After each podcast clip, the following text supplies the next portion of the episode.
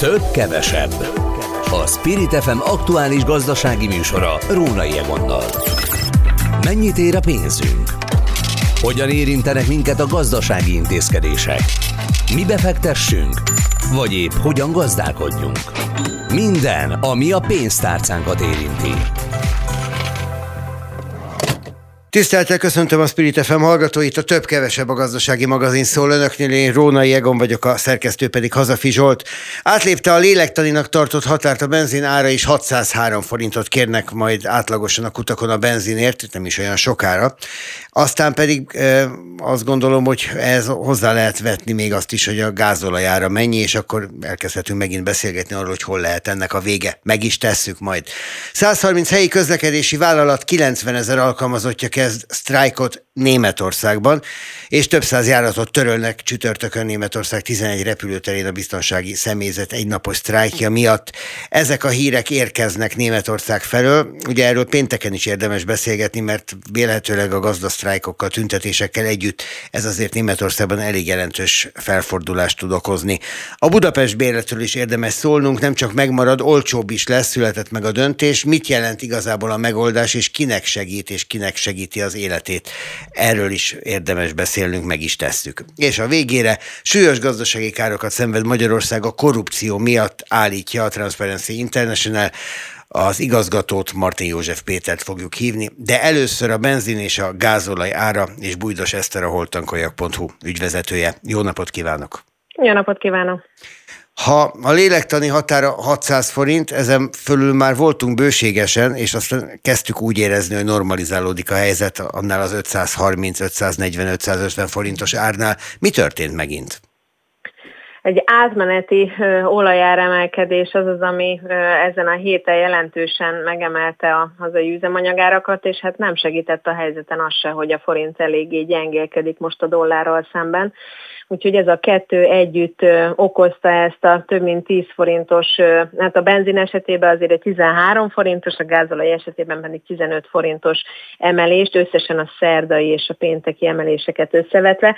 Hogy mi a lélektani határ, az, az, az egy nagyon jó kérdés, mert itt azért az elmúlt egy-két évben mindenfélét láttunk a 700 fölötti áraktól elkezdve a 480-on át mindent, úgyhogy szerintem ezt a piac majd most kitalálja, hogy mi a lélektani és mi a nem, de én azt gondolom, hogy annyira nem állunk rosszul. Persze az átlagár az, az hatossal kezdődik a benzin és a gázolaj esetében is, de én ezt a mostani olajár emelkedést is inkább átmenetinek gondolom, és már látszik is, hogy az a fajta korrekció visszafelé meg is történt a Brent olaj árának esetében, ami, ami már csökkenésnek indult, amire akár a jövő héten már reagálhatnak is a hazai üzemanyagárak, és elképzelhető, hogy ebből az eheti jelentős emelkedésből már egy kisebb csökkenést fogunk jövő héten tapasztalni. A nemzetközi előrejelzések teljesen összevisszák, hol egyik nap ezt halljuk, hol egyik nap, másik nap azt halljuk. Hogyan van az, hogy az árfolyam gyengülésre, a hordonkénti ár emelkedésére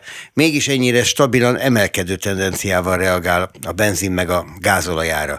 Vagy kérdezhetem ezt úgy is, hogy miközben persze fölment az euró árfolyam mondjuk 390-re, közben most már 383, ezt miért nem látom a kutakon megjelenni? Kettő árváltozás, illetve bejelentés történik egy héten, tehát hétfőn és szerdán történik nagykereskedelmi árváltozásról bejelentés, ami szerdán és pénteken kerül érvényesítésre a kutakon, tehát ez a fajta úgymond korrekció vagy reagálás még nem annyira gyors, hogy mondjuk már másnap vagy akár a hétvégén ezt, ezt lássuk. Tehát itt a, köz, a következő időpont erre majd megint hétfőn lehet, amikor a piac lereagálja a, a hét második felében történt változásokat, és annak függvényében szerdától ö, csökkent. De önnek ár, mi a tapasztalata? Tényleg csökkenni szokott, amikor például az árfolyam jobb igen, egy kicsikét? Tehát, igen, tehát azért azt kell látni, hogy amikor az olaj elindul visszafelé, azt ugyanúgy lereagálja a piac, hiszen akkor már 1000 forintos üzemanyagárakról beszélnénk, hogyha mindig csak az emelést reagálná le. Úgyhogy én nem is számítok arra, hogy ez a jövő héten másképp lenne, és azért azt látjuk, hogy a nagy elemzőházak is itt ebbe az összevisszaságba, hogy mindenki mást mond, azért konstansan azt mondja, hogy az olajára esetében nem számítanak arra, hogy a 80 dollárról hosszú távon elmozdulna a Brent ára, tehát e körül fog mocorogni, most, hogy az néha 84, néha meg 77, az a mozgás az benne van, és erre reagál a benzinkutakon is az ár, illetve hát a piac a, a mozgásokkal. Előbb mondta, hogy a dollár árfolyamára érdemes figyelnünk, uh-huh. mert hogy ugye dollárban mérik a Brent olaj árát is, és nem euróban. Így van, tehát mindig a dollárt nézzük, és uh, nyilván a forint, hogyha gyöngül, akkor az általában az euróhoz és a dollárhoz is szokott a dollárhoz mérten nézzük, hiszen itt azért az elmúlt napokban köz majdnem 10 forintos volt a, a változás mértéke. Ez azért egy elég jelentős szám ahhoz, hogy ezt már az üzemanyagárakban is megtapasztaljuk és lássuk. De azért látszik az olajár emelkedésre az, hogy a környező országok is reagáltak erre, és mondjuk Ausztriában ugyanolyan szinte még magasabb árakat is tapasztalunk jelenleg, tehát ez nem azt jelenti, hogy csak nálunk emelkedik megint az üzemanyagár, és hát ha Szerbiát nézem, ott például 650 forint a gázolaj átlagára, tehát ők is jóval fölöttünk vannak, tény, hogy a déli szomszédaink még mindig bőven vernek minket üzemanyagárakba, tehát akár Horvátország, Szlovénia, ott még mindig ez az 50-60 forintos árelőny megvan, hát a románok pedig folyamatosan alattunk vannak árakba, de, de ha Szlovákiát, Ausztriát nézem, akkor ők ugyanúgy követték ezeket az olajáremelkedéseket. Most nézem, ha már azt kell nézni a dollár árfolyamát, 350 forint, 351 forint egyébként, de hát volt ez 361 fölött is négy nappal ezelőtt. Ebből nem következik, hogy 10 forinttal olcsóbb lesz a jövő héten a benzin meg a gázolaj a kutakon, ugye? Hát ezt a MOL tudná megmondani, hogy ezt majd ő hogyan érvényesíti így a nagykereskedelmi árában. 10 forintot azért ritkán szoktunk látni egy összegben, mint csökkenés, mint emelés. Ezt hétfőn, illetve hétvégén már lehet, hogy pontosabban meg lehet jósolni, hogy az most konkrétan mennyi lesz, és legokosabbak majd hétfőn ilyen 9-10 óra magasságában leszünk, amikor a hivatalos bejelentés meg is történik. Mondta a környező országok árait, van benzinturizmus? Van értelme most a határon átkelve tankolni csak azért, mert ott valamivel olcsóbb? Én azt gondolom, hogy akinek ez már a rutinjába beépült, hogy akár bevásárolni és tankolni és kijár mondjuk Romániába, mert olyan közelségben lakik a határtól, illetve a legközelebb eső útról, ott azt gondolom, hogy ez a rutin ez meg fog maradni, de ez a fajta benzinturizmus szerintem tehát olyan nagy előnyökkel nem jár, hogy most azért rendszeresen Horvátországba kellene ö, kimenni, ez a határszélen lévő ö, településeknél és ott lakóknál ez megállja a helyét, de benzinturizmusról nem nem, nem beszélhetünk, én azt gondolom. Bújdos Eszter, köszönöm szépen. A holtankolyag.hu ügyvezetőjét hallották az imént itt a több-kevesebben a gazdasági magazinban. Viszont hallásra! Viszont hallásra! Több, kevesebb. Több, kevesebb. A Spirit FM aktuális gazdasági műsora. Rónai Egonnal.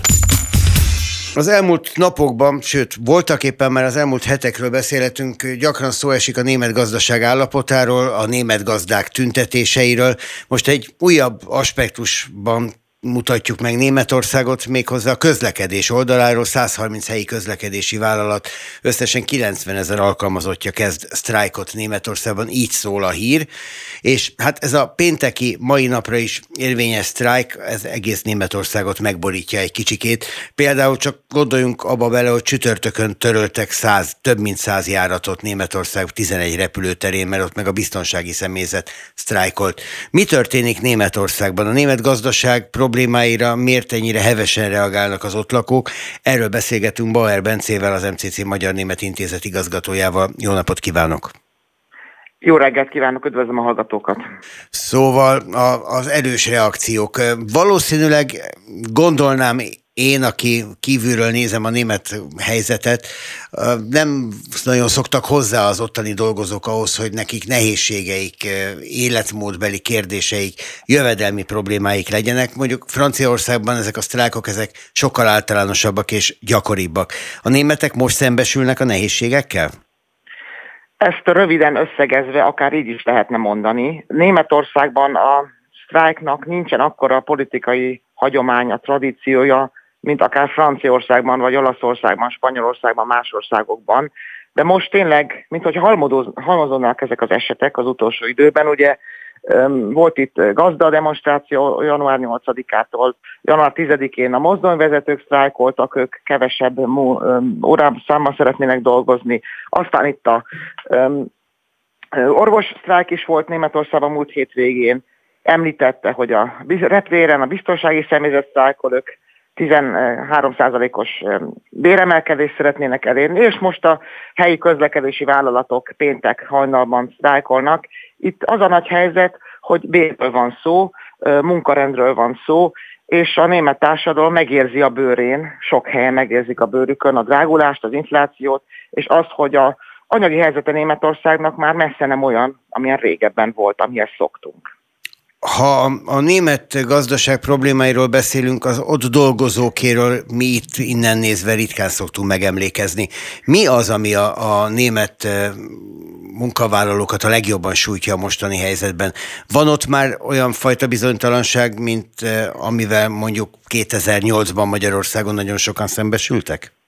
Olyan katasztrofális helyzet még Németországban nincsen, és Németország még mindig egy viszonylag jómódú gazdag ország, ezt le kell szögeznünk, de az utolsó években olyan tendenciák láttak napvilágot, amelyek a németek számára nem voltak ismeretesek. Például nagyon sokan atipikus foglalkoztatottak. 27-28 százalék a munka, munkavállalónak atipikus, azaz vagy részmunkaidős, vagy úgynevezett minijobban van, és kevesebbet keresnek, nem olyan nagy dinamikusan nőttek például a bérek az utolsó években, mint például nálunk. Ez az egyik. A másik az az, hogy nagyon megdrágult az élet, nagyon megdrágult az energia Németországban, nagyon drága energiárak vannak, Európa szerte nagyon előjár Németország, és például a lakhatás megfizetése is egyre nehezebb lesz. A németeknek kb. 40%-a tulajdonos csak ingatlant, ez egy nagyon alacsony arány, és sokan bérleményben élnek, és aztán például nyugdíjas koraikban arra ébrednek, hogy nem is tudják meg kifizetni a lakbért, és ez az oka egyébként, hogy sokan elköltöznek Németországba, Spanyolországba, és egyébként akár Magyarországra is. És ezek a tendenciák most megjelennek, és látszik, hogy Németországban már messze nem kolbászból van a kerítés, és messze nem az a nagy jólét van, amit régebben úgy ismertünk, de természetesen még mindig arányaiban jól élnek a németek, de ez stagnál, vagy inkább egy kicsit csökken. Igen, amikor az előbb említette igazgató, hogy nem nőnek úgy a német bérek, mint itt nálunk Magyarországon, akkor azért nyilván sokan a hallgatók közül felsóhajtottak, hogy azért az nekünk legyen mondva. És persze ebben van igazság, mert a német, német gazdaság, Németország maga egy jóléti gazdaság, egy jóléti állam, annak minden örömével, és hát ezek szerint néha bánatával. Az, hogy a német gazdaság ilyen állapotba került, az egész Európának, és hát különösen az itt környező országokként kezelt közép-kelet-európai országoknak, Csehországnak, Lengyelországnak, Szlovákiának, és igen, nekünk magyaroknak is elég súlyos problémákat okozhat. Mennyire folyamatos, vagy mennyire egy hirtelen jött konjunkturális problémával van dolgunk? Szerintem teljesen igaza van. A Németország nekünk fontos, a német gazdaság állapota nekünk rendkívül fontos itt a régióban, és ezer szállal össze vagyunk kötve Németországgal és az ottani gazdasággal. Én úgy vélem, hogy a jelenlegi német gazdaság problémái nem csak konjunkturális problémák, hanem vannak itt strukturális problémák is. A strukturális problémák közé sorolnám a hosszú távú, hosszú távú fellépő problémákat, mind akár a magas adók, a bürokrácia, a döntéshozatal lassulása, ez mindig is lassú volt a döntéshozatal Németországban, de például a Covid-válság óta még lassabb lett. Sokan távmunkában dolgoznak, nagyon nehezen lehet döntéshozókat elérni, vagy akár az infrastruktúrás kihívások, Ugye Németországban nagyon sok helyen nem megfelelő az internet, a digitalizáció előrelépte nem olyan, ahogy kívánatos lenne, és rájön még például, hogy például a német vezetőiparágak, gondoljunk a járműiparra, már nem úgy teljesítenek, ahogy kellene, vagy ahogy ezt megszoktuk. Ugye régebben még egy Mercedes, egy Mercedes volt, most viszont már, amikor az e-autók jönnek, és az e-autók jövőjét nem Németországban írják, akkor rávilágít erre a nagy kihívásra, és pontosan a járműipar egy olyan rész, ahol nagyon erősen ki vagyunk téve a német gazdaságnak, a német járműiparnak a jó teljesítményéhez is, és itt vannak némi kihívások, problémák. Az látszik-e a magyarországi beruházásoknál, befektetéseknél, vagy a Magyarország iránti érdeklődésben, hogy a német gazdaság elfordult Magyarországtól, vagy a saját gondjaival van inkább elfoglalva, és nem is elfordult tőlünk, de nem fektet itt be? Én ilyet most jelenleg nem látok, és ugye régi tételmondat, hogy nagyon sok a nyereségből a német cégek egyébként pont közép-kelet-európában termelnek ki, mert gazdaságosabban, effektívebben tudnak termelni.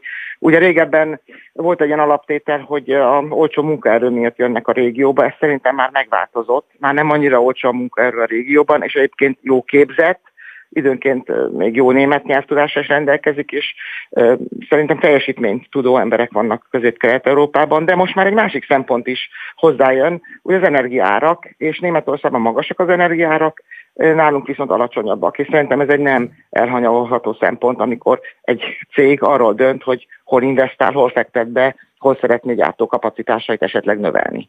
Az, hogy Németország szerte akadozik a közlekedés a sztrájkok miatt, ez mennyire lepi meg a német társadalmat? Mennyire ösztönzi a többieket együttérzésre, vagy éppen mennyire okoz felháborodást?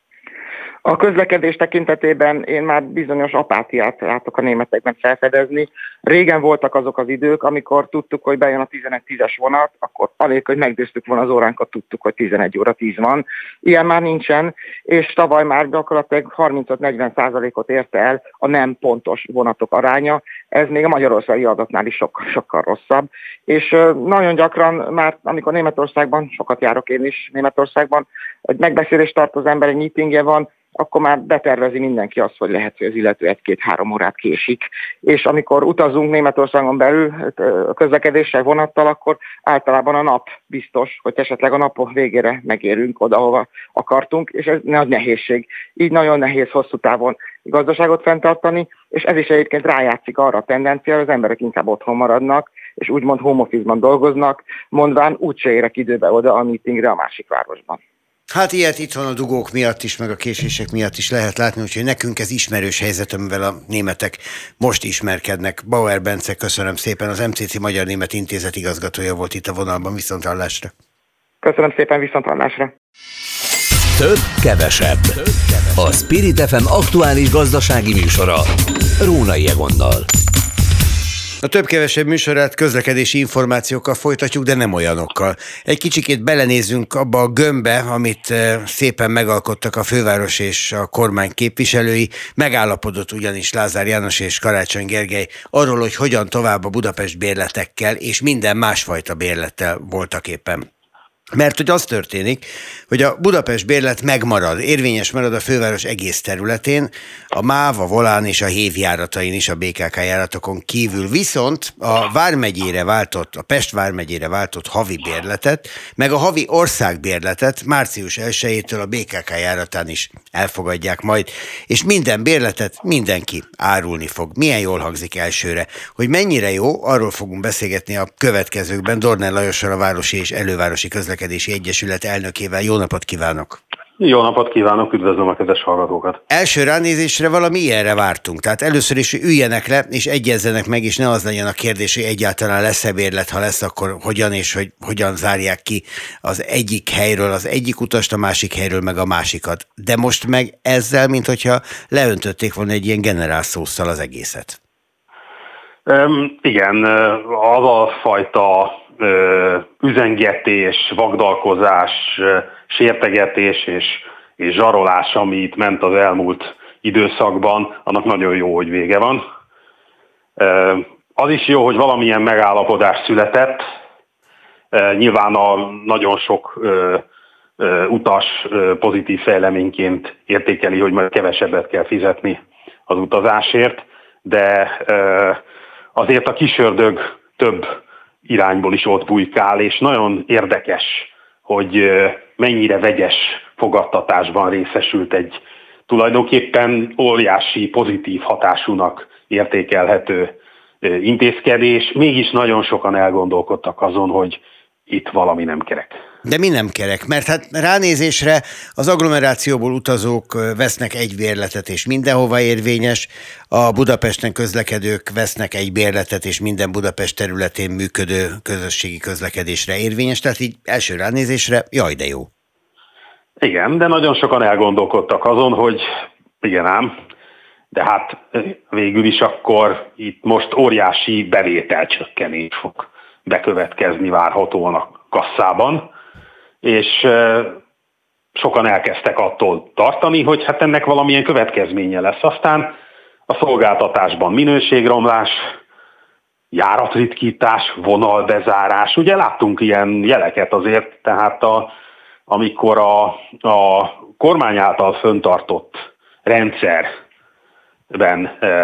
bevezették a, a vármegyebérletet, akkor az bizony együtt járt vasútvonalak bezárásával, e, és együtt járt azzal, hogy e, rohamos mértékben romlik a szolgáltatás színvonala, a MÁV sikerült például megduplázni a egy év alatt a késések, járat kimaradások számát, és hogyha az végül is egy ilyen intézkedés ide vezet, amit ugye a miniszter úr maga úgy fogalmazott meg, hogy tudom, hogy a szolgáltatás rossz, de olcsón adom, így egyes szám első szemében, így fogalmazott, akkor azzal az utasok sokra nem fognak menni, hogyha a nem jövő vonatra fognak tudni olcsón felszállni. Viszont van itt egy érdekes anomália, amiről érdemes beszélnünk, illetve hát anomália, attól függ, hogy ki honnan nézi. Hogyha valaki vesz egy Pest vármegye bérletet, akkor Pest megye egész területén mindenfajta járművet használhat, és Budapest egész területén szintén.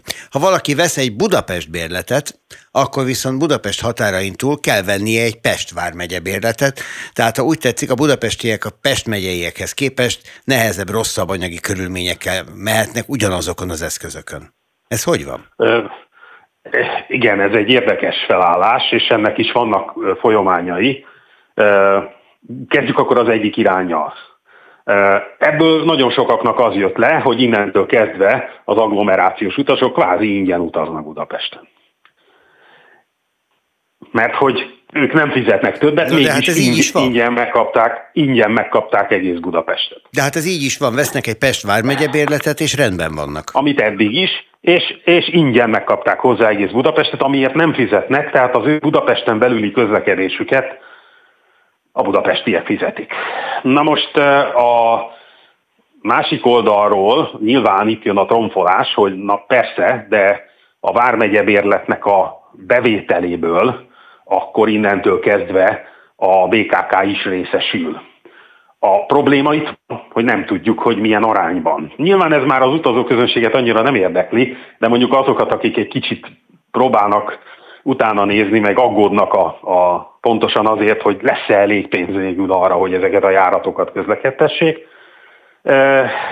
Azok számára sem a minisztérium, sem a főpolgármester úr nem nyújtott semmilyen támpontot, tehát nem tudjuk, hogy a, ez a bizonyos bevétel megosztás, ez hogyan zajlik. Ez eddig úgy volt, hogy a Budapest bérletnek a bevételét úgy osztották el egymás között a felek, hogy 88% ment a BKK-nak, 11% ment a MÁV hévnek és, és a kék volánbuszokra, és 1% ment a MÁV startnak és a sárga volánbuszoknak a teljesítményére. Hát valami ilyesmi az arány egyébként és erről beszélt Kis Ambrus főpolgármester helyettes, hogy hát átállnak egy olyan elszámolási rendszerre, ami arról szól, hogy ezen túl akkor a, a kormány nem tudja azt játszani, hogy a, a normatívát azt visszatartja, ki fizeti, nem fizeti, hanem havonta elszámolnak teljesítmény arányosan, ki mennyi férőhely kilométert üzemeltetett, és havonta elszámolnak. Ez így szépen hangzik, de hát már... Egy olyan a... partnerrel, amelyik szavatartó, és hát, amelyik igen. Egy, érdekelt abban, hogy ez az elszámolás mindig korrekt legyen, ez jól hangzik. Hát persze, így fogunk működni, és mindenkinek jó. Az a baj, hogy eddig egy, ez nem így történt.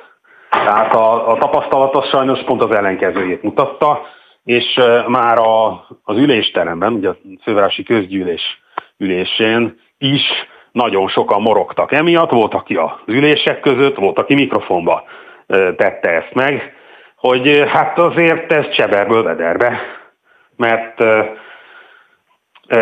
hát ugyanúgy vissza lehet élni ezzel az elszámolással is, mint ahogy az eddig a, a történt mondjuk a normatívával, és semmi garancia nincs arra, hogy mondjuk a MÁV által értékesített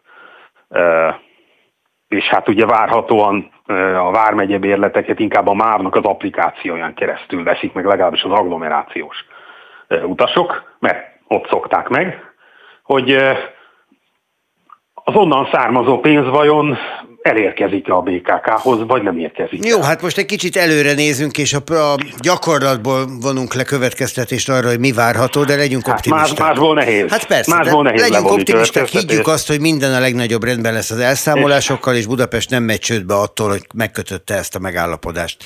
Hát már de. pedig ugye maga a főpolgármester úr is azt mondta, hogy ez, a, ez az egész tranzakció, ez az ő számításai szerint olyan 4-5 milliárd forint lukat üt a költségvetésen. Vitézi Dávid szerint pedig minimum 20 milliárdost.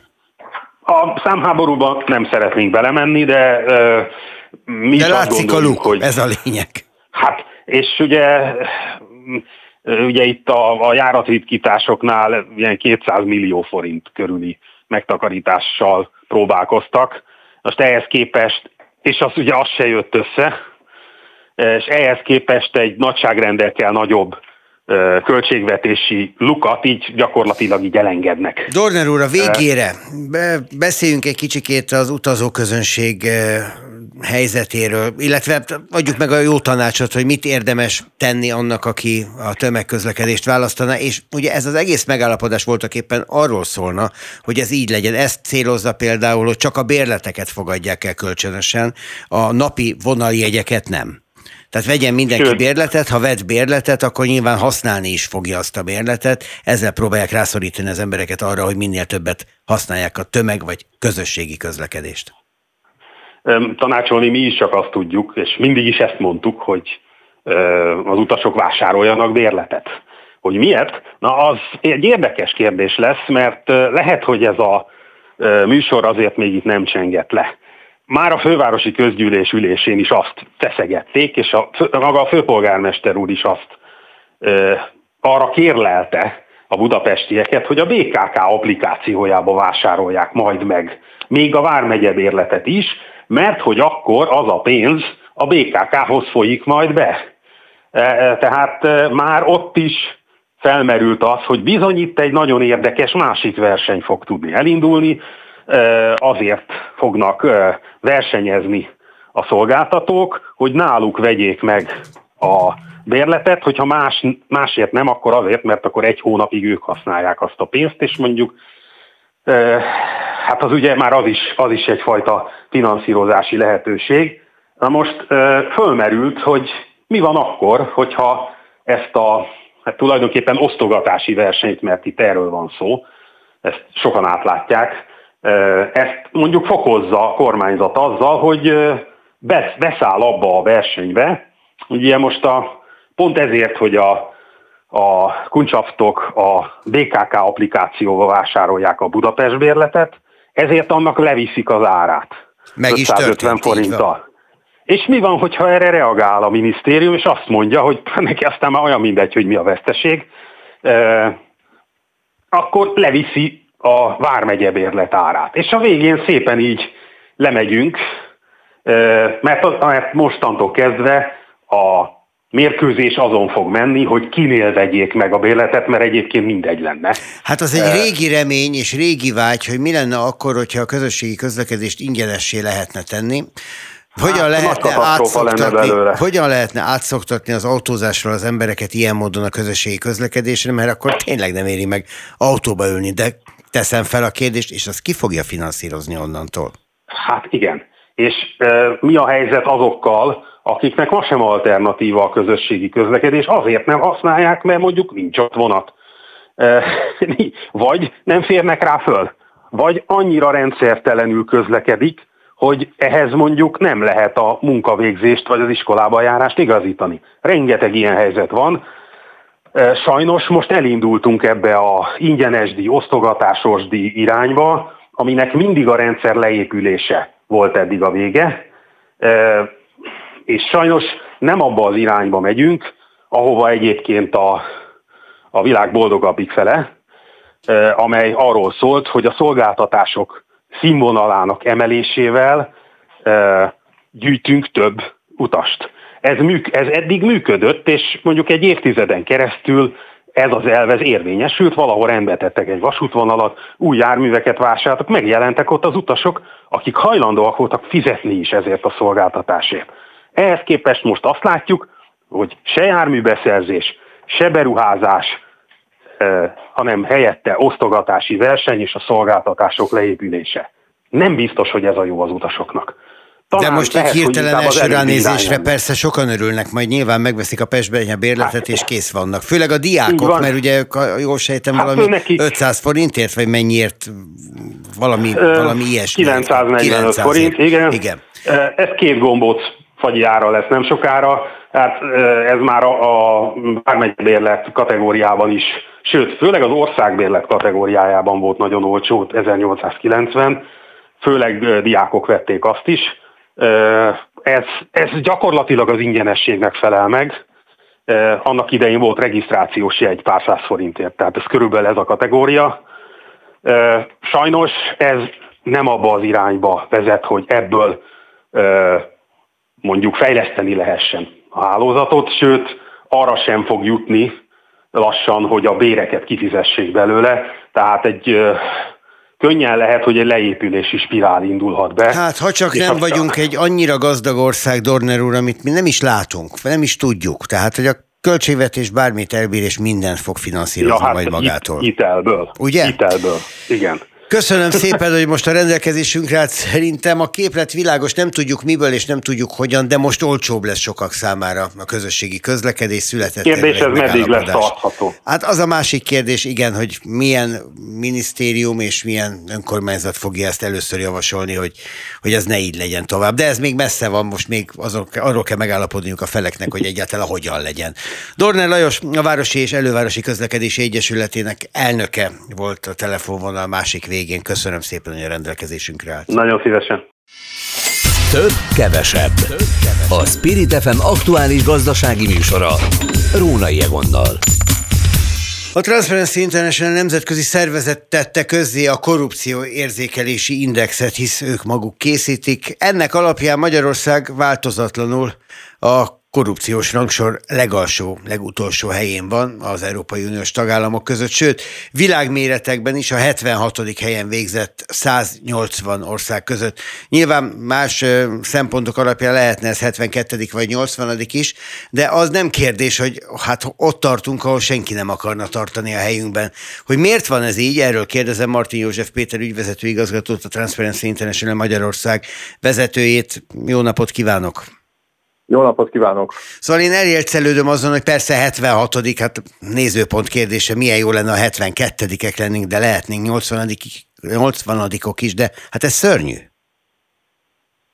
Hát szörnyű, de hát ez a, ez, a, ez a valóság, ez a helyzet, hogy Magyarországon a rendszer szintű korrupció az csak nem változik, tehát csak nem sikerült megtörni még az Európai Unió nyomására létrehozott reformok által sem ezt a rendszer szintű korrupciót. Ezt és honnan lehet tudni? Minek alapján tudjuk állítani azt, hogy ilyen mértékű a rendszer szintű korrupció? Mennyi információ kell ez, vagy milyen adatok?